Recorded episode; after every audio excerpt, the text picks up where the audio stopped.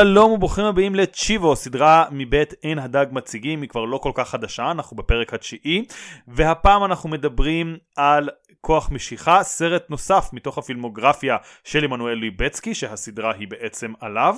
אני יונתן צוריה ואיתי. תום שפירא, אבל בחלל, האם אתם יכולים לשמוע אותי מקליט פודקאסט? אני חושב שזה יהיה מאוד קשה, כלומר אתה גם בחלל או רק הם בחלל? כאילו, טכנית כולנו בחלל, אתה יודע, כדור הארץ הוא בחלל ואנחנו על כדור הארץ, ארגו, כאילו, כן. אז, אז התשובה לשאלה האם בחלל אפשר לשמוע אותך צורח היא כן, כאילו, בוודאי, כולנו בחלל, כן. כולם בחלל. כן, היא- היא- אה, כמו שהמם מפיוטרמה אומר, technically correct, the best kind of correct. אז אנחנו מדברים בסדרה הזאת על הסרטים שעמנואל ליבצקי צילם, וכוח משיכה, דיברנו כבר כמה פעמים, כאילו לכל אורך הסדרה אנחנו אומרים, פה הוא עשה זה, פה הוא עשה זה. כוח משיכה, במובן מסוים היה סרט ש... אתה יודע, אם עד כה הוא עלה מאשפתות ולאט לאט צבר מוניטין, אז כוח משיכה, גם מילולית, גם מטאפורית, הסרט שהזניק אותו, אתה יודע, עד לחלל, אה, זה הסרט הראשון שהוא זכה עליו באוסקר, זה הסרט הראשון שאנשים ממש שמו לב אליו, ואני מודה שבצפייה בסרט, קצת שאלתי את עצמי, אוקיי, אבל כמה מזה הוא עשה? כי אני לא בא לזלזל, אוקיי? אנחנו גם ניגע בסרט עצמו, וזאת אזהרת הספוילרים לכל מי שציפה שדווקא הפרק הזה, אנחנו נעשה את זה בלי ספוילרים, מצטער לאכזב אתכם, יהיו ספוילרים. כאילו ספוילרים, אבל- יש כוח משיכה. כן, ועוד אה, ספוילרים מהסרט, אה, כדור הארץ לא שטוח. כן, שזה... חבל, היה נחמד, אה, כאילו, אתה יודע, מעין כזה טוויסט הסרט משום מקום. נגמר וזה כזה, היא מגיעה לכדור אה זה שטוח עכשיו. אה, אני בכוכב הקופים בעצם. אז כלומר, מה שיפה בצילום של הסרט הזה הוא, לפחות בעבורי, יכול להיות שתגיד אחרת, זה החלל. זה כדור הארץ שברקע כל הזמן, זו הכוכבים. ואת זה עמנואל לובצקי לא צילם. עמנואל ליבצקי, הדברים האלה הודבקו במסך ירוק. על אתה- העבודת צילום אתה של... רומז שעמנואל לובצקי לא טס באופן אישי לחלל לצלם את הסרט הזה? אני, אני אה, שואל, שואל, מעלה שאלות, כמו קונספירטורים. האם אנחנו יכולים לדעת בוודאות, האם יש לו את המסמכים שמראים את האמת? אמ, ומה שהוא כן צילם, וזה לא משימה קלה, ואני לא חושב, אתה יודע, שהשבחים שלו מוגזמים, אבל מה שהוא כן צילם זה סצנות מאוד ארוכות. של לוליינות אקרובטית באמת של מצלמה שמקיפה את ג'ורג' קלוני וסנדרה בולוק ואת הדגמים של החללית שהם כן שמו שם לעבוד איתם וזה באמת עבודה מאוד מסחררת באופן שקודם כל מילולי כלומר יש סחרחורות הסרט הזה מאוד מאוד אה, שם אותך בנעליים של סנדרה בולוק ואפילו לא של, סנד- כאילו של, של המקום הזה של החלל של הטלטול הבלתי נגמר וזה עובד. כלומר, מבחינת תנועת המצלמה, מבחינת הרגש של המצלמה רוצה שתהיה בו, זה סרט הישרדות, והמצלמה שם אותך במצב הישרדות. עמנואל לבצקי עושה עבודה נהדרת. אבל מכיוון שלא קש... כאילו, קל לחשוב שהאוסקר על הצילום היה גם על הדברים המאוד יפים, ולא רק על התחושת סחרור, הדברים המאוד יפים לובצקי הפעם לא צילם. אני מניח שהוא צילם בתוך החלק שהיא נכנסת לתוך תחנת החלל הסינית, בתוך הזה, זה, אה, אתה יודע, דיברנו, עקצנו את עצמנו רגע לפני הפודקאסט על הסימבוליזם הקליל שיש בכוח משיכה.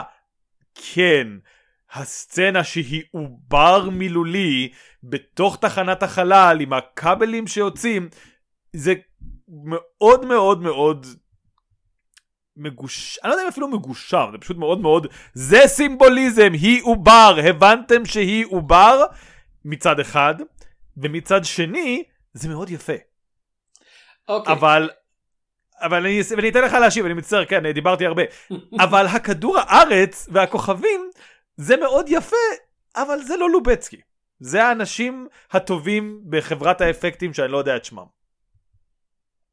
או אפילו את השם של חברת האפקטים. כאילו, או, תראה, בימינו, אה, ב- אם כי עוד פעם באופן אירוני לבמאי, לצלם שנודע בעבודה שלו עם אור TV, להיות צלם טוב זה לדעת לעבוד עם CGI, כן? אה, כן. ולפי מה שהבנתי מקריאה לסרט, אתה יודע, כשאומרים בימינו מסך ירוק, אה, בימינו ממרום שנת 2023 והסרט הזה מההיסטוריה הרחוקה הבלתי נתפסת של מתי 2013 כן 2013 כן למרות שזה סרט עם תהליך הפקה ארוך כאילו אתה יודע הם התחילו לעבוד עליו איזה ארבע שנים לפני. כן. Uh, בימינו uh, מסך ירוק זה באמת כזה uh, במיוחד אם אתה דיסני משהו אתה לוקח את השחקנים שלך לבקלוט שלך באוסטין uh, או איפה שזה לא יהיה ואתה, ואתה שם אותם בתוך חדר שכולו ירוק ואתה אומר להם תעשו ככה תעשו ככה. וזה תרתי משמע השחקן יכול להיות הדבר האמיתי שם ויש סיכוי לא רע שאם מדובר בסצנה של יודע, מישהו קופץ בחלל או משהו כזה, מה שאתה רואה בסרט עצמו זה אפילו לא השחקן, זה כזה, הם צילמו את השחקן בשביל רפרנס ואז, ואז עשו בובת CGI שנראית כמוהו, כאילו. אז עצם העובדה שפה זה, הם בנו, אתה יודע, כזה זרועות פיזיות שיזיזו את כן. השחקנים, וימשכו וידחפו וירקידו אותם, ואתה מצלם את זה בצורה ספציפית. זה לא, אתה יודע, אה, זה, זה לא שהצלם לא, לא, אני, אני, אני לא חושב, כאמור, אני גם אה, חושב שבאמת ה, ליצור את הסחרור הזה, זה לא קל, כלומר זה לא, אתה יודע, אם נשווה רגע ל... אני לא יודע מי הצלם, אנחנו, אבל הסגנון מוכר מהבמאי, אה, פול גרינגרס. הצילום בפול גרינגרס מסחרר לא בקטע טוב. הוא מאוד מכוון, זה אמירה אמנותית, זה בחירה, זה ניסיון ליצור גם כן איזושהי תחושה שאתה לא יודע מה קורה כל הזמן, אז המצלמה כל הזמן רועדת, אבל זה לא יפה, וזה מאוד מרגיש קצת מדי פעם של כזה, אני מבין שאתה עשית את זה ולקחת מישהו שיעשה את זה באופן מכוון, אבל יש את התחושה המאוד מתנשאת של הילדה בת החמש שלי שלא יודעת להחזיק מצלמה הייתה יכולה לעשות את זה. אין את התחושה הזאת בכוח משיכה. יש סחרור, יש בלאגן, יש דברים, זה תמיד מרגיש שהכל מחושב, אוקיי? שאם אנחנו עכשיו עושים אה, סלטה, אז זה לא כזה, אה, אוקיי, זה סתם איזה סלטה, כזה, לא, לא. הוא חשב על הסלטה הזאת והוא יצא ממנה באופן מסוים, ואז יהיה איזשהו רגע של לונג שוט או מדיום, ואז הוא יחזור לשוב סיבוב קרוסלה. זה הרבה... ואני חושב שיש סיכוי שזה פוגע בסרט, אבל כדי להסביר את זה בואו... בוא נחזור אחורה, בוא, בוא נזכר את העלילה בקצרה. כן? כי, כי אין עלילה בארוכה, לא, לא כן, אמרנו... זו עלילה מאוד קצרה. סנדרה בולוק... סנדרה בולוק היא אסטרונאוטית, היא דוקטור ריין סטון, והיא... היא לא בדיוק אסטרונאוטית, צריך להגיד. צריך להגיד שחלק מהקטע זה שהיא לא ממש אסטרונאוטית, היא אה, עשתה אימונים מיוחדים בשביל זה, אבל היא לא חונכה להיות אסטרונאוטית, כלומר, היא, יש לה אה, התמחות ספציפית בכדור הארץ שהם היו צריכים בחלל אז הם עשו לה מעין קורס מזורז בלהיות אסטרונאוטית ושלחו אותה. אה, והיא וג'ורג' קלוני ועוד מישהו נמצאים בחלל מתקנים איזה לוויין או משהו כשפתאום קורה משהו כנראה משהו באשמת הרוסים עוד פעם מאוד רלוונטי ב-2013 ל-2023 אה, ואיזה משהו מתפוצץ ויש עכשיו המון המון רסיסים שעפים בחלל במסלול שלהם ומקיפים את כדור הארץ וכל פעם עומדים לפגוע בהם ומהר מאוד אה, מצוות של שלושה אסטרונאוטים זה הופך להיות אה, דוקטור איינסטון מנסה לשרוד לבד אה, בחלל ולהגיע איכשהו לכדור הארץ בזמן שסביבה הכל מתפוצץ ועולה באש ואין חמצן אה, ועוד כל מיני דברים כיפים. כן. תיארתי את זה אני חושב בתור סרט מושלם לא משנה מה דעתכם על סנדרה בולוק כי אם אתה אוהב את סנדרה בולוק כזה היי 90 דקות עם סנדרה בולוק ואם אתה שונא את סנדרה בולוק כזה היי 90 דקות שבהם סנדרה בולוק סובלת אוי אוי אוי. אז כאילו אם יש לך דעה חזקה עליה לכל כיוון זה סרט במיוחד בשבילך. אמ, אז זה סרט שראיתי בפעם הראשונה בקולנוע ואני באמת זוכר אה, ספציפית בהקרנת עיתונאים שהייתי בה היה איזושהי תקלה באופן אירוני שהם היו צריכים להקרין את 10 הדקות הראשונות מההתחלה ואף אחד לא התלונן כי זה היה כזה העשר דקות הראשונות בפעם הראשונה שאתה רואה את המצלמה אתה יודע כזה רוקדת לאט לאט בחלל ואתה כזה וואו. אה, אז אף אחד לא התלונן יותר מדי שראינו את זה פעמיים כן. אה, וזה גם סרט קצר עוד פעם 90 דקות כן. כולל כתוביות. כן שזה ממש משובח לכולם. עכשיו... כן תמשיך. כן ולראות את זה עכשיו במסך הקטן שלי זה כזה זה מזכיר לי למה לא ראיתי את הסרט הזה שוב כי האימפקט שלו דורש קולנוע. הוא דורש את המסך הגדול וכל הסצנות המאוד מסחררות הסצנות שבהן יש מיליון רסיסים כאילו שכמעט פוגעים בה והיא צריכה להסתתר ואוי אוי אוי משהו קורה לה כל הדברים האלה שהם נורא מרשימים על המסך הגדול על המסך הקטן הם פשוט מבלבלים וזה לא בגלל שהם ערוכים רע. כאילו זה הכל מצולם בשוטים ארוכים ומאוד מתוכננים ואין שום זה אין שום ניסיון להסתיר דברים קאטי זה פשוט יש יותר מדי חרא על המסך. יש טריליון רסיסים ויש דברים בפורגראונד ובבקראונד וכולם מתפוצצים ועולים באש ואני כזה אני לא יכול להתמקד בשום דבר. אה, וההשוואה של, שעלתה לי בראש פשוט כי ראיתי את הסרט הזה על המסך הגדול מחדש יומיים לא יומיים סליחה פחות משבוע לפני שאנחנו מנהלים את ההקלטה הזאתי היה הקרנה מחודשת של כביש הזעם אה, בסינמטק תל אביב כן. שראיתי.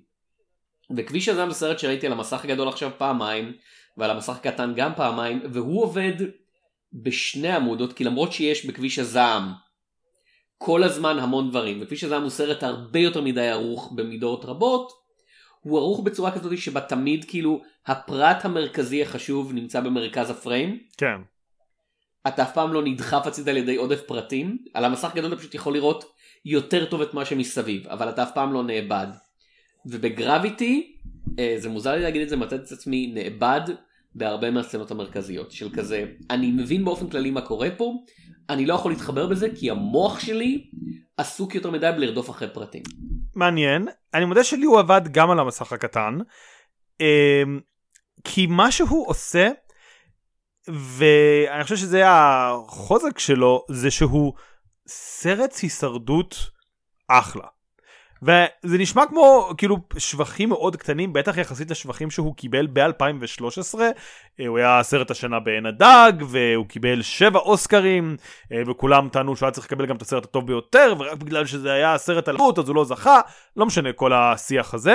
אבל זה היה מאוד מעניין לראות את כאילו כוח משיכה, אתה יודע, ההייפ עצום, שבשנייה שהוא יורד מבתי הקולנוע, טוב נעלם, זהו, לא אכפת לנו.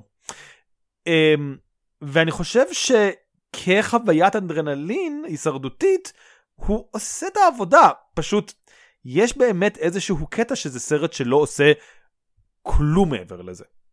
ואז השאלה היא... כאילו הוא מנסה, כמו שאמרת, יש המון המון קטעים של... לא המון, יש כמה קטעים של כזה, לא לא לא חבר'ה. אנחנו עוסקים בהורות והתמדה ולידה מחדש ותכלס זה כזה לא אנחנו עוסקים במישהי שנתקעה במצב לא נעים ומנסה לשרוד וכזה גם אם לא היה אתה יודע גם אם לא היה את הקטע של כזה אוי איבדתי את הילד שלי כן. או זה, זה, זה לא היה, אנחנו רוצים שהיא תשרוד כי אנחנו לא רוצים שהיא תמות, כאילו, אנחנו לא כן. לא אנשים רעים במיוחד, אנחנו לא רואים מישהו בחלל ואומרים fuck that guy או fuck that girl. כן, אני חושב שכאילו, אתה יודע, הסרט מאוד מנסה מילולית כזה, כן, את צריכה לשחרר, את צריכה לשחרר את ג'ורג' קלוני בסצנה הזה, את צריכה לשחרר את המצנח הזה, את צריכה לתת לעצמך, את יודעת, לבעור ולהרגיש את כל הכאב וכל הבלגן, אבל כמו שאתה אומר, זה לא עובד, כי זה קצת ניסיון של לאכול עוגה ולהשאיר אותה שלמה. הסרט בכוונה מאוד רזה. הוא רוצה להגיע ישר לאקשן, והוא רוצה לצאת ברגע שהאקשן נגמר. זה נהדר, אבל בתוך זה, הרגעים של הדמויות והתסריט פשוט לא משנים. כזה, אתה יודע, אתה יודע, נתנו שורות לג'ורג' קלוני כבחור הזה שתמיד מספר סיפורים והוא נורא רוצה לעשות את הליכת החלל הכי ארוכה, אבל אתה כזה, למי אכפת? הוא פשוט ג'ורג' קלוני, כלומר, הוא מאוד עושה את התפקיד ה"אני ג'ורג' קלוני", אבל אם היו אומרים לי ג'ורג' קלוני פשוט בא לסט, אמר דברים שהיה לו בראש והלך, לא הייתי, לא הייתי מפקפק בזה, זה לא מרגיש כמו דמות שכתובה יותר מדי. זה הרגיש כמו ברגע שהם עשו לי הוק, הם עשו את זה ככה. ואם היו מלהקים במקום את ג'ורג' קלוני את מת'יו מקונוהיי, הדמות הזאת הייתה פשוט נראית כמו מת'יו מקונוהיי. ואם היו מלהקים במקום זה את ברד פיט, אז היה ברד פיט. זה לא דמות, זה פונקציה של כוכב קולנוע סמכותי, שיכול להגיד לסנדרה בולוק באופן, אתה יודע, שרמנטי אך עדיין כזה סמכותי, תתאפסי על עצמך, מה את עושה? אה, שזה התפקיד העיקרי שלו בסרט. כן, אה, אם כי אתה אומר ברד פיט בחלל ואני כזה חושב על עד אסטרה ואני כזה... כן, אוקיי. הסרט הזה הרבה יותר טוב מעד אסטרה. יש לי בעיות עם גרביטי. הסרט הזה יותר טוב מעד אסטרה. Uh, עכשיו אני אשאל אותך שאלה, יונתן, האיש כן. שרואה את כל הסרטים. מבין שני סרטי 2013 על אינדיבידואל שצריך לשרוד אה, אסון אה, אסון אה, טבעי. הכל אבוד מנצח, הכל אבוד מנצח, כן, מה? אה, וכזה, ואני חושב שהסיבה העיקרית היא שהכל אבוד דבר ראשון באמת מתחייב לקטע הזה של בן אדם אחד אה, שצריך לשרוד, כן? אה, כן. ואין לו גם את הכלי עזר הזה של הוא מדבר, כאילו היא מדברת כל הזמן לנאסא אפילו שנאסא לא יכולים לענות לה בערך מהדקה ה-20.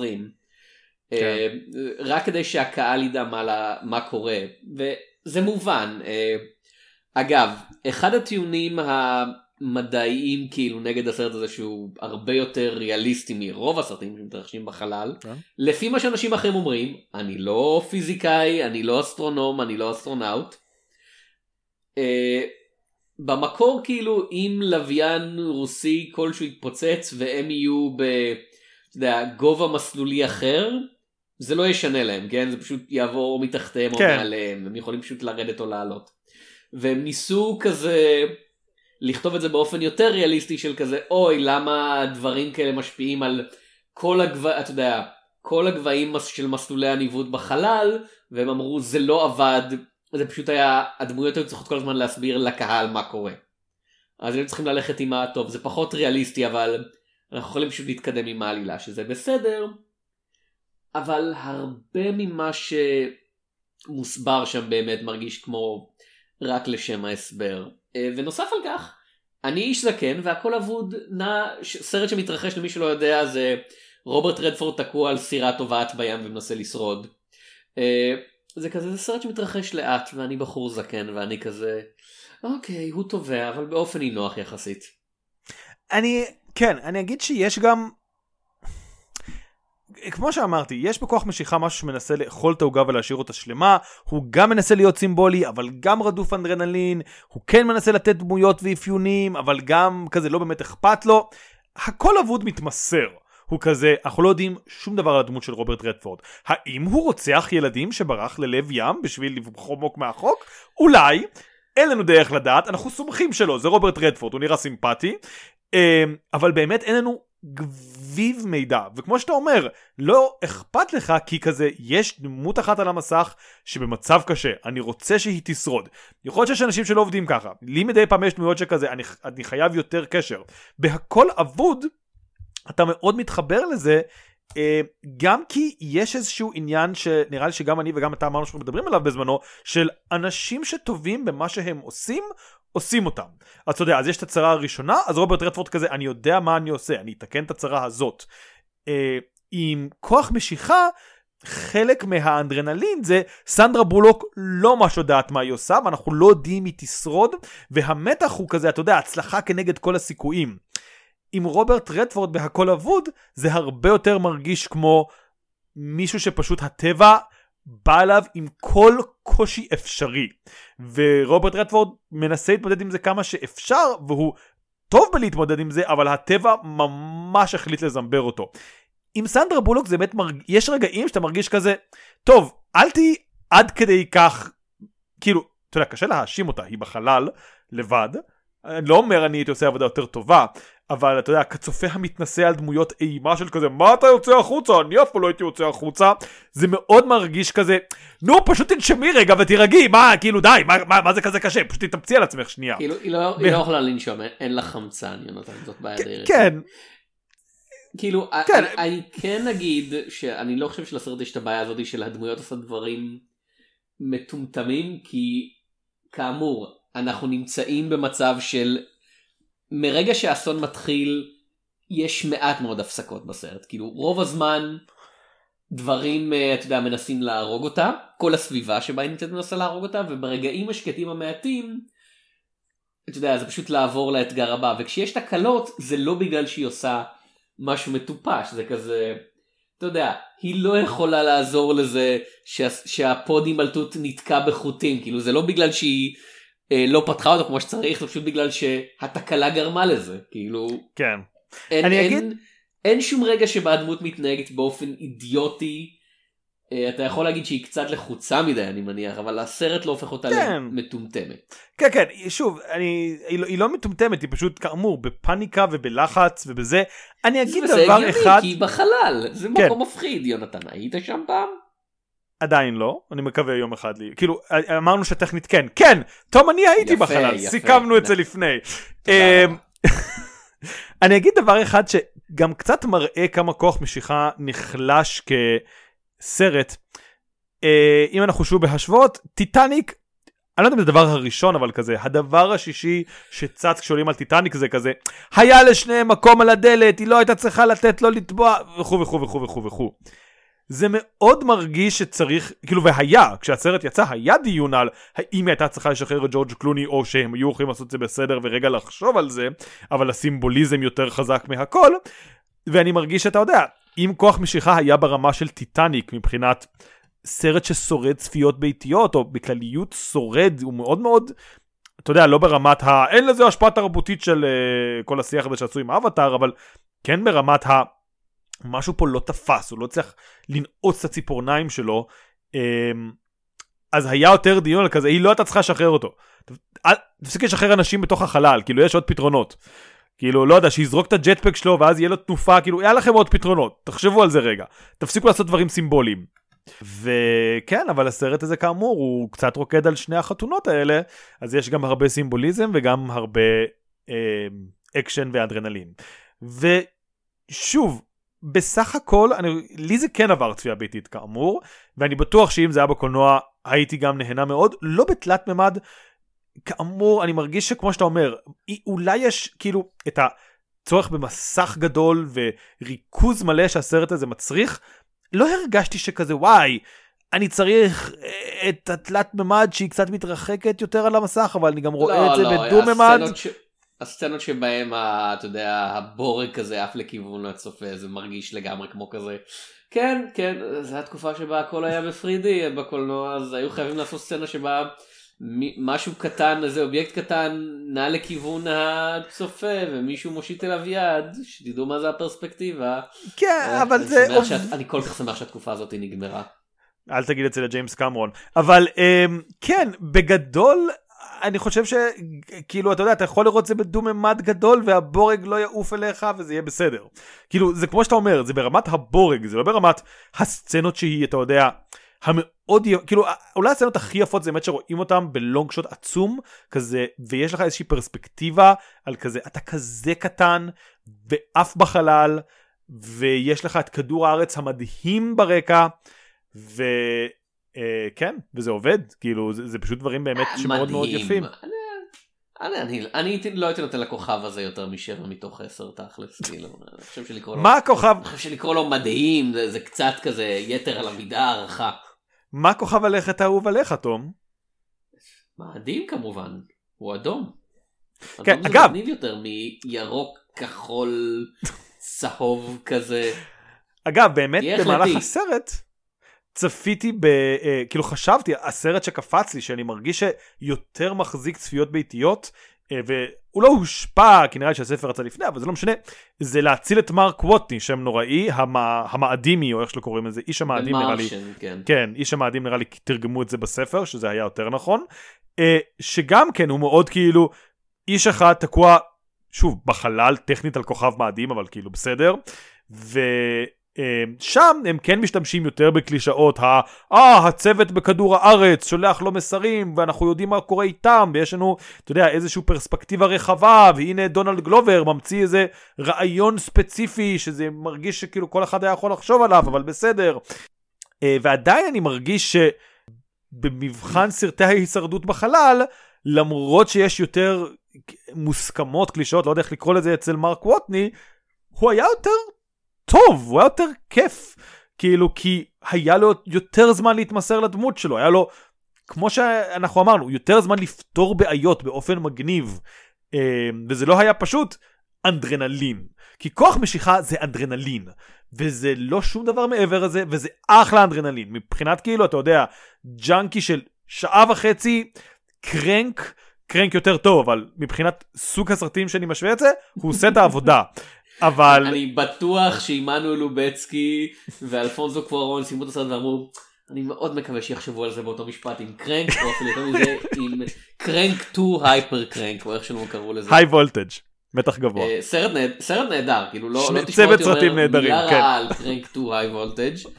אה, כאילו זה מוזר לי שלא הזכרת את אפולו 13 אם אתה מדבר על סרטי הישרדות בחלל. אה, שזה הסרט הישרדות בחלל כנראה הכי מוכר. אה, זה ז'אנר די מצליח יחסית עכשיו שאני חושב על זה כאילו גם אפולו 13 גם אה, גם אה, The Martian וגם גרביטי היו כולם סרטים מצליחים מבחינה כלכלית וביקורתית. אם אתה מכניס לזה גם את הנושא השמיני אז בכלל כן יש כאילו זה אה, לפי ויקיפדיה עוד פעם המקור הכי אמין למידע בעולם כן אה, כשהקרינו בהתחלה גרסה מוקדמת של הסרט הזה עם CGI לא גמור לצופים הם רשמו בהערות אתה יודע כזה הצופים המקדימים שלנו רשמו בהערות צריך להיות פה חייזרים או משהו כזה. אוי אוי ואני כזה למה למה לא כזה אתה יודע בשוט אחד לחצי שנייה אנחנו רואים מאחורה את, את Pac-Man או משהו כזה עף ברקע אני לא יודע.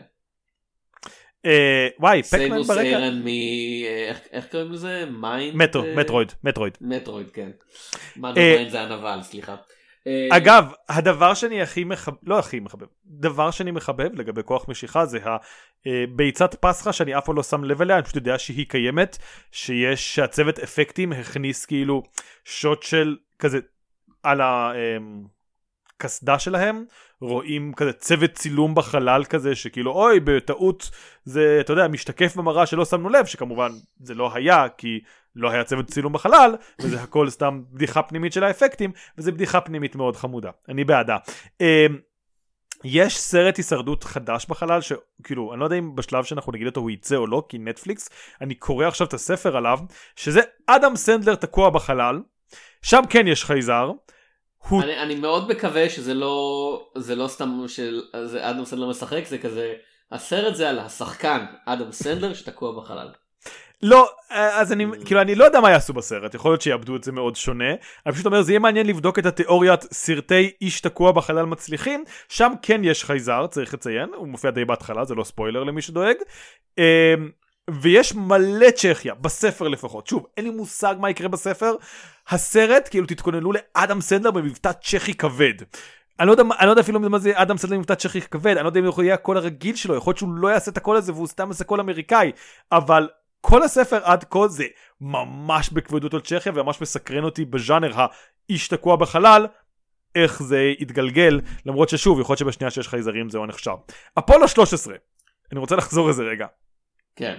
אמ, אני חושב שבעיקר זה הסרט הכי מוכר מבחינת, קודם כל הציטוט, יוסטון יש לנו בעיה, הוא הכי מוכר גם כי הוא, אתה יודע, כמה שכוח משיכה הזכרנו מלהיב, שהאריס הוא הקול אה, של נאסא בהתחלה של גרביטי כאילו? לא הזכרנו. בוא נזכיר. האריס הוא הקול של נאסא בהתחלה של גרביטי זהו. תודה. Um, ולמי שלא יודע, אד האריס מופיע באפולו 13, יש הקשר, אנחנו לא סתם מציינים, כאילו. כן. לא, באפולו 13, uh, כמה שכוח משיכה זה מלהיב, כמה שלהציל את מרק ווטני הוא מרתק, אפולו 13 קרה. וכזה אתה לא יכול לנצח את המציאות במקרים כאלה. הסרט יכול להיות פחות טוב, אבל אתה תדע יותר על המקרה הזה, כי כזה, כן, הם באמת היו תקועים בחלל ולא היה להם מושג מה לעשות, הם היו צריכים להשתמש ב... אתה יודע, ו, וזה יותר מרשים כי כוח משיכה מתרחש ב-2013, אה, להציל את מרק ווטני מתרחש בעתיד אני חושב, או העתיד הקרוב, משהו כזה. הם היו בשנות ה-60 עם האמצעים המוגבלים של שנות ה-60 וכזה. טוב, תעשו חישובים פיזיקאים נורא מתקר... מחוכמים כי אין לנו מחשב בשביל זה. והם היו צריכים לעשות את החישובים. המתוחכמים האלה. אני זוכר שבכתבה על um, כמה כוח מציאות אה, מציאותי שנכתבו ב-2013, שנה שדורון כתב, דיבר על זה שכזה, כן, הם מדלגים בין תחנות, כאילו אתה יודע, זה כזה, אה, זה בקצה השני של העיר, זה יהיה קצת מסובך, אבל נצליח. כאשר במציאות זה אלפי קילומטרים מרחק אחד מהשני, והיה צריך חלק של כזה, טוב, אנחנו צריכים אז לחשב איך נעשה את הזווית ואיך נעשה את הטיול, שזה כמובן נורא משעמם לצופים. אה, ובאפולו 13 זה עדיין משעמם לצופים, אבל הם כזה, ככה זה היה, אנחנו הולכים להראות את זה. כן, אפולו 13 הוא כזה האבא והאימא, בייחוד כי הוא היה במציאות. כלומר, גם עם כוח משיכה, איכשהו היה אפשר לעשות בשנות ה-90 לפני כולם, אפולו 13 כנראה עדיין היה נהיה הכזה, כן, סרט הישרדות בחלל, זה. אגב, הוא לא הסרט נאסא האהוב עליי. אה, מבחינת סיפורי נאסא אמיתיים, ז'אנר גם כן ממש לא, כאילו, ז'אנר מכובד בין אפולו 13, יש לך את האדם הראשון של דמיין שזל, והסרט האהוב עליי, אני לא יודע איך קוראים לו בעברית, החבר'ה הנכונים? באנגלית זה The Right Stuff של פיליפ קאופמן. אה, כן. שזה סרט שכאילו ראיתי שהוא שלוש שעות, הייתי כזה, אה, אני הולך לשנוא את זה, ואז סיימתי שלוש שעות והייתי כזה, פאק, אני ממש אוהב את זה, אוף. עוד סרט של שלוש שעות שגרם לי לאהוב אותו, כוס עמק. אמ, אני עדיין מחכה שמישהו יעשה סרט על אה, כמו שצריך על ג'ק פרסונס שהיה איש די מרכזי ב... אתה יודע, יסוד ה...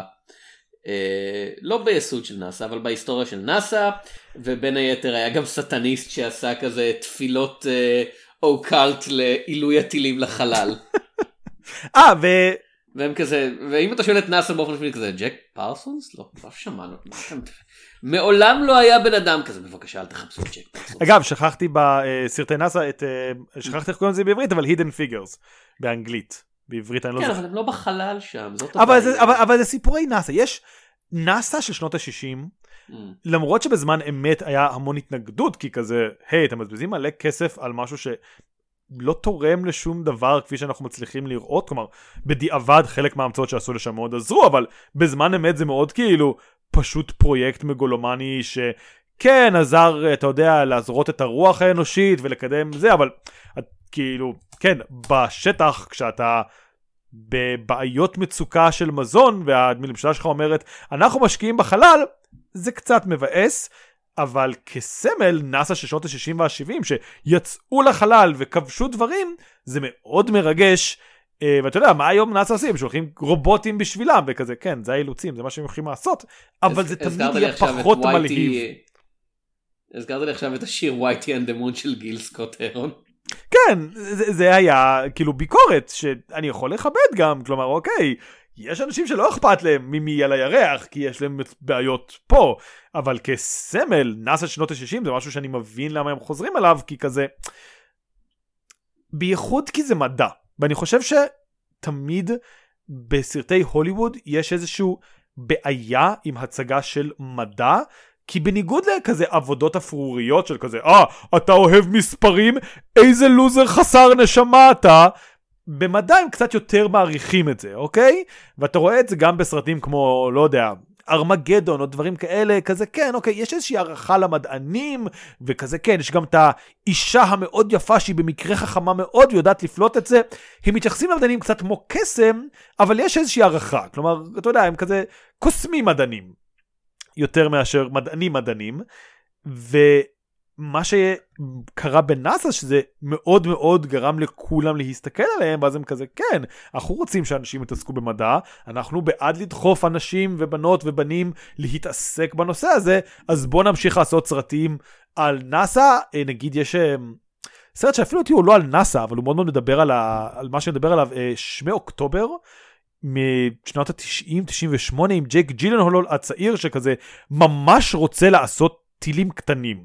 וזה מרגיש אבסורדי, כן? אתה לא יכול לדמיין ילד בישראל כזה, אני הולך, מה אתה הולך לעשות באחר הצהריים שלך? אני הולך לבנות טיל. טיל? כן, כן, אני הולך לבנות טיל שהוא, שהוא יעוף לחלל וכזה. אה, ואז יבוא הצבא וכולם יחשבו שאתה יראת סקאד כזה, לא, לא, סתם טיל, אתה יודע, טיל מדעי, כמו שעושים. אבל בארצות הברית זה היה דבר, אנשים היו כזה, וואי. הלוואי שיהיה לי טילים, אנחנו ראינו את זה, יש סרט עכשיו, הסרט שלך, ימים של תום.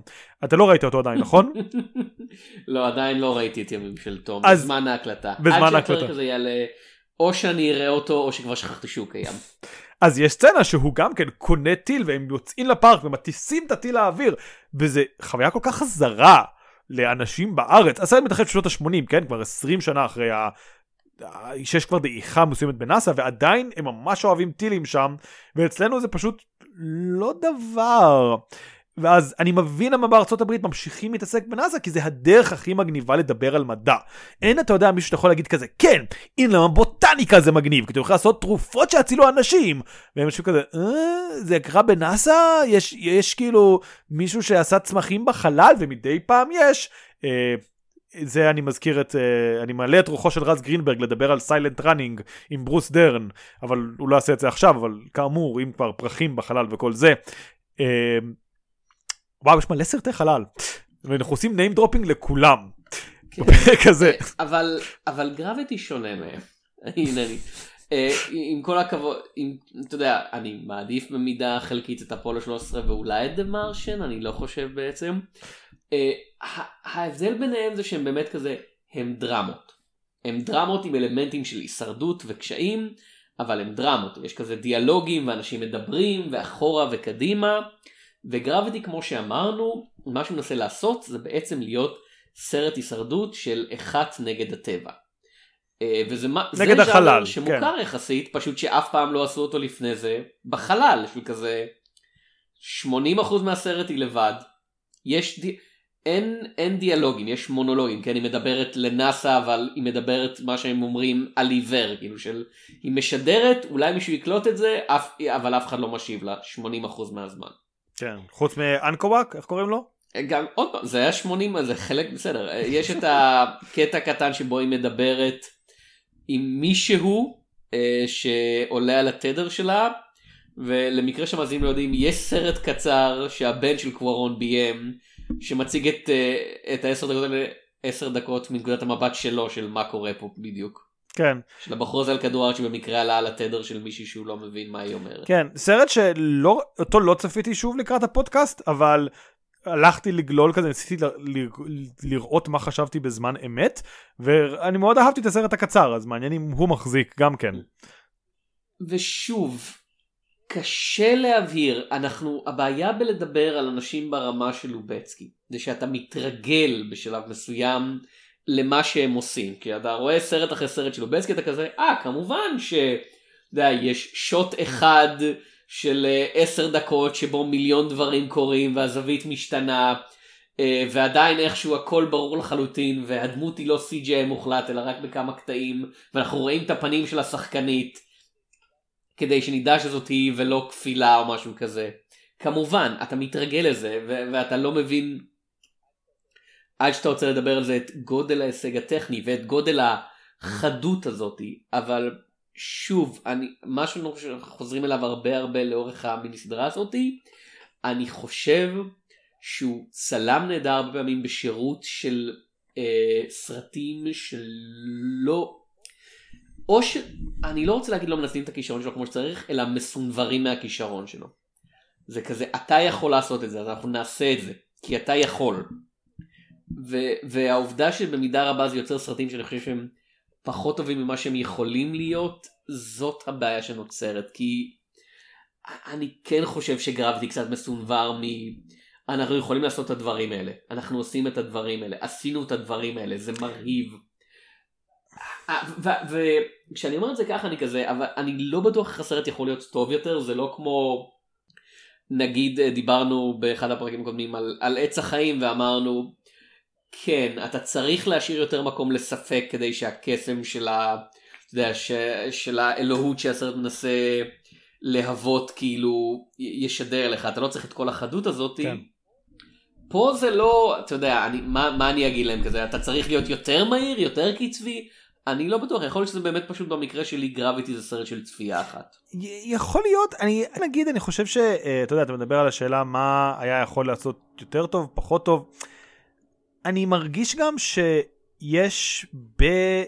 אה, מבחינת הצילום, אני לא חושב שיש בעיה, אני חושב שבאמת יש פה איזשהו משהו שתופס, אני לא יודע אם באופן מושלם, אבל מצד אחד הוא מאוד מאוד נשען על הצילום שלו, מצד שני הוא יודע מתי לשחרר. בסרט שכאמור הוא מאוד נהנה משוטים מסוימים ארוכים, אבל אז הוא, אתה יודע, נותן לך זמן של אה, עריכה. הוא, הוא יודע להשתמש בכלים שלו, הוא לא, הוא לא לכוד בקונספציה. אה, של, כאילו, שוב, הוא מאוד סומך על לובצקי, הוא כזה, אה, אתה יכול לעשות הכל, אתה גבר גבר, אבל אה, אני כן חושב שהוא בו, בו זמנית אומר, אוקיי, אבל מדי פעם אנחנו הולכים לערוך פה מסביב, ולובצקי מאוד כזה, כן, אוקיי, כן, סביר הגיוני, בסדר, למה לא? אה, וזה בניגוד לסרטים אחרים שדיברנו, שנדבר, אה, שלא נדבר עליהם. הבעיה שלי עם הסרט והזה של השיפור זה באמת ברמת התחושה שהוא מנסה גם להיות רצף אנדרנלין מטורף, שזה אחלה, אבל אז הוא גם, אתה יודע, כזה לא מתמסר לחלוטין לאדרנלין, והוא כזה לא, אני כן דרמה. כלומר, אני אגיד את זה ככה, אני חושב שהבעיה של הסרט הזה, זה שהוא לא מספיק אקשן, ושהוא כל הזמן נשען חזרה על הדרמה. אה, וכמו שאמרת, הדרמה זה החלק הפחות מעניין. הדרמה זה החלקים שיש כמוהם בסרטים יותר טובים. מה שמיוחד בכוח משיכה זה לא הדרמה שלו. מה שמיוחד בכוח משיכה זה האקשן שלו. והרגעים שהוא מרגיש לאזן לא מפוצחים עד הסוף. אני לא יודע אם הם גרועים, אני חושב שהם עושים את העבודה. כלומר, הם לא ברמת ה... אה", אבל הם כן ברמת ה... אה, אוקיי, נחמד. כאילו, למה אנחנו צריכים את זה? ההישרדות כן. מספיקה. הרצון האנושי לשרוד זה מספיק. בטח שבסרט אה, קצר ואנחנו נדבר בפרק עתידי על כן. The Revenant. כן, כן. לא האיש שנולד מחדש, ליאונרדו דה קפריו סובל הרבה על מנת כן. לקבל אוסקר. כן, דיברנו, נדבר עליו. כן, כאילו זה, זה, גם שם זה כזה, זה קצת כזה, אתה יודע, הרצון האנושי לשרוד הוא מספיק. כן. Uh, אתה לא צריך לנפח את זה בעוד דברים, בטח שיש לך, במקרה של The Revenant דוב כאילו. אם, אם יש לכם דוב זה מספיק אנשים, לא צריך יותר מדוב. כאילו, אה, אה, אתה יודע, הנה זה היה משפר את גרביטי, אם היה דוב בחלל. דוב בחלל היה משפר את גרביטי. אני, כן, אני... אם היה דוב והוא היה על קוקאין, והוא היה בחלל, והם כזה... אה, האם יותר לי לספיילר סרט שהזכרנו קודם שכמעט לאף אחד לא אכפת ממנו אד אסטרה? דבר איתנו, אה וואי כן, כן כן כן. לא ספוילר כן, נוראי, כן, כן, אני יודע לאן אתה הולך, דבר על אד אסטרה. כאילו, כי באד אסטרה, שהוא סרט לא טוב, ואפשר בהחלט להגיד שהאשמה היא באולפן שערך אותו עד מוות לפני השחרור, אם כי אני לא, אני לא משוכנע שהיה שם משהו מעניין מלכתחילה. יש סצנה אחת מרהיבה שבה הגיבור שלנו העשוי ללא חטא, אה, ברד פיט, ואכן אין חטא בשם שלו, אה, מגיע לתחנת חלל, והוא חוקר אותה, ופתאום באמצע הסרט הריאליסטי הזה לגמרי יש קוף בחלל. קופים! קופים ברבים. יש קופים, כן, אבל לא, אבל השוט הספציפי הזה שברגע זה, יש כזה קוף, והוא כזה, והוא מנסה להרוג את ברד כן. פיט. וזה אמור להיות כזה קוף מוטנטי או משהו כזה, שעשו עליו כן, ניסויים, יש אני חושב. יש, יש, יש סיפור עם הקוף הזה. זה... ואני כזה. Space monkey. אם הסרט היה מתחר... הזכרנו את כוכב הקופים קודם, כאילו, אם, אם בסוף הסרט הוא כזה חזר לכדור הארץ וכזה, אה כן, בזמן שהייתם במשימה הזאת הקופים האלה הגיעו לכדור הארץ והשתלטו על הכל, הייתי כזה אומר, עשר מתוך עשר, לא אכפת לי מכל השאר, עשיתם משהו מושלם, כל הכבוד, כל הכבוד. אז אני חושב שמה שאני אומר זה שאני רוצה שכל הסרטים שמתרחשים בחלל יסתיימו בזה שאנחנו, שהאסטרונאוט מגיע לכוכב הקופים. כאילו אפולו 13 מבוסס על סיפור אמיתי אבל מה אם בסוף הם היו מגיעים לכוכב הקופים. אה, מרק ווטני חוזר ממאדים והוא כזה אה זה כוכב, זה כוכב הקופים עכשיו אולי אני אחזור למאדים. כאילו Hidden Figures הן יוצאות יום אחד מנאסא והם כזה אה שלא הסתכלנו זה נהיה כוכב הקופים. אני לא בטוח אם אני שותף להתלהבות שכל סרט צריך להיות חלק מהיקום הקולנועי. כל סרט שעוסק בחלל. לא לא כל סרט שעוסק אחרים? בחלל אני אומר כאילו. צריך, צריך להסתיים בכוכב הקופים. שומרי הגלקסיה הם השלישי הם מגיעים למה, לכדור הארץ. למה תמיד קופים? למה אי אפשר סרטים אחרים? יש עוד סרטים. למה אנחנו רק אה, לכודים? טוב בסדר. אני, אני מבין מה אתה אומר בסדר. Uh, טוב יש לנו עוד זה הסרט האחרון של קוארון שאנחנו נדבר עליו. uh, אחרי uh, שיתוף פעולה לא שקוארון הוא כזה חרוץ אבל uh, זה הסרט הבא שהוא יעשה רומא הוא יעשה כבר לבד. הוא יטען שהמנטרה ש...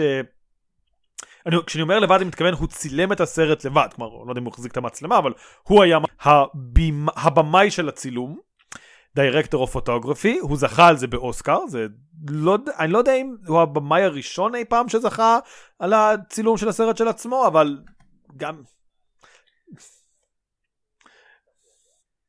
כן, בכל מקרה, לא, אה, לא הוא כן אמר שמה שהנחה אותו היה אה, מה היה לוב, אה, עמנואל לובצקי עושה, אז אפשר לטעון שהאוסקר הזה גם הוא על שמו של לובצקי, אבל פה בעצם נפרדים דרכנו מאלפונזו קוארון, שכאמור זה הסרט השלישי שלו, נראה לי ש...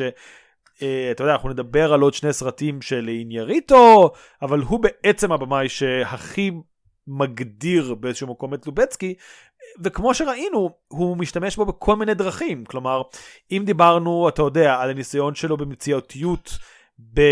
ואת אמא שלך גם, ועל הניסיון שלו באולפנים יותר מוקדמים, אולפנים יותר מזויפים, אה, בנסיכה קטנה, שלא דיברנו על זה בפודקאסט, אבל הזכרנו את זה כל פעם שדיברנו על קוארון ועל אה, לובצקי, ואם דיברנו על ניסיון לשלב את, ואת אימא שלך גם לתוך אווירת דיסטופיה ב"הילדים של מחר", כאן אני חושב יש איזושהי חזרה באיזשהו מקום לזיוף של האולפנים, עם קצת הטכניקות של טרנס מאליק. כלומר, הסרט אף פעם לא מרגיש מאליקי, כי אין אפשרות לאור טבעי, כי הכל מזויף, אבל אני בטוח שלובצקי וקוארון, שניהם רצו כאילו כמה שיותר לתת תחושה של טבע.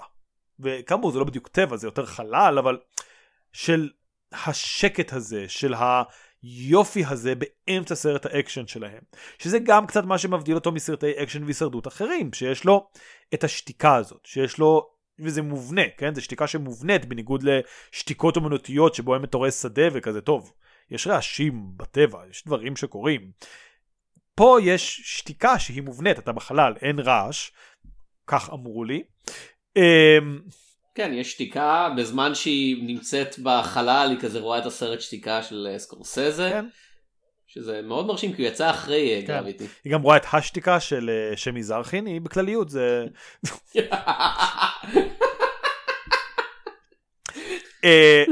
בחלל אי אפשר לשמוע את שמי זרחין. אמ, אז אני אומר, יש כן, כלומר אם אנחנו רגע לפני סיום וכן מדברים על לובצקי, כן רואים שהוא הביא לפה מצד אחד את כל מה שהוא אסף בעשורים האלה מבחינת צילום טבעי ואתה יודע שקט ונכון ורציף אבל לטובת ה... אתה יודע הסרטים הכי במרכאות מזויפים הכי מצועצעים הכי אולפניים זה סרט שהוא מילולית צילם בתוך אולפן אולי חוץ מהסצנה האחרונה אני מניח שאותה הוא צילם כאילו באיזשהו חוף במקסיקו. אמ, ספוילר אבל אמרנו שיהיה ספוילרים אבל זה, כאמור, זה משהו שכן מראה את המסע שלו. אני חושב שאם הוא היה מצלם את כוח משיכה ב-2004, הוא היה נראה קצת יותר מצועצע, קצת יותר כמו אה, סדרה של צרות, או סוויני טוד, או משהו כזה, ויש משהו יותר מאליקי באיזשהו מקום, באיך שהוא צילם את זה, וזה מוסיף לאווירה של הסרט, וזה מוסיף לאנרגיה, ובסך הכל אני בעד לובצקי בסרט הזה. כאילו, אם יש לי בעיות עם הסרט הזה, אתה אמרת שאתה חושב שאולי הוא פגם. אני לא יודע אם זה לובצקי שמונע מהסרט. אה, עוד פעם, הוא לא, לא הוא באיך כן. שהוא עשה את זה. זה אף פעם לא לובצקי הוא הבעיה. הבעיה היא איך שאנשים משתמשים בו, או אפילו יותר מזה, איך שהם מגיבים לנוכחות שלו, שהם כזה... הוא יכול לעשות את זה, אז אני מבקש ממנו לעשות את זה. Uh, כן, אני מבין מה אתה אומר. טוב, זה היה הפרק שלנו על כוח משיכה, אתם מוזמנים uh, להיזכר בסרט הזה, כי הוא נראה שהוא קצת נשכח בעשור האחרון, להגיב לנו, לנו uh, לדבר איתנו, ליצור איתנו קשר, להגיד שלום ברחוב אם אתם רואים אותנו, אבל להז... כאילו, או לא להזדהות, ווטאבר, אנחנו uh, אנשים בסך הכל uh, uh, שמחים, צפויים, אני לא יודע, זורמים. ואם הייתם תקועים בתחנת חלל, איך אתם הייתם חוזרים לכדור הארץ? נתראה בתחנת החלל, או בקולנוע.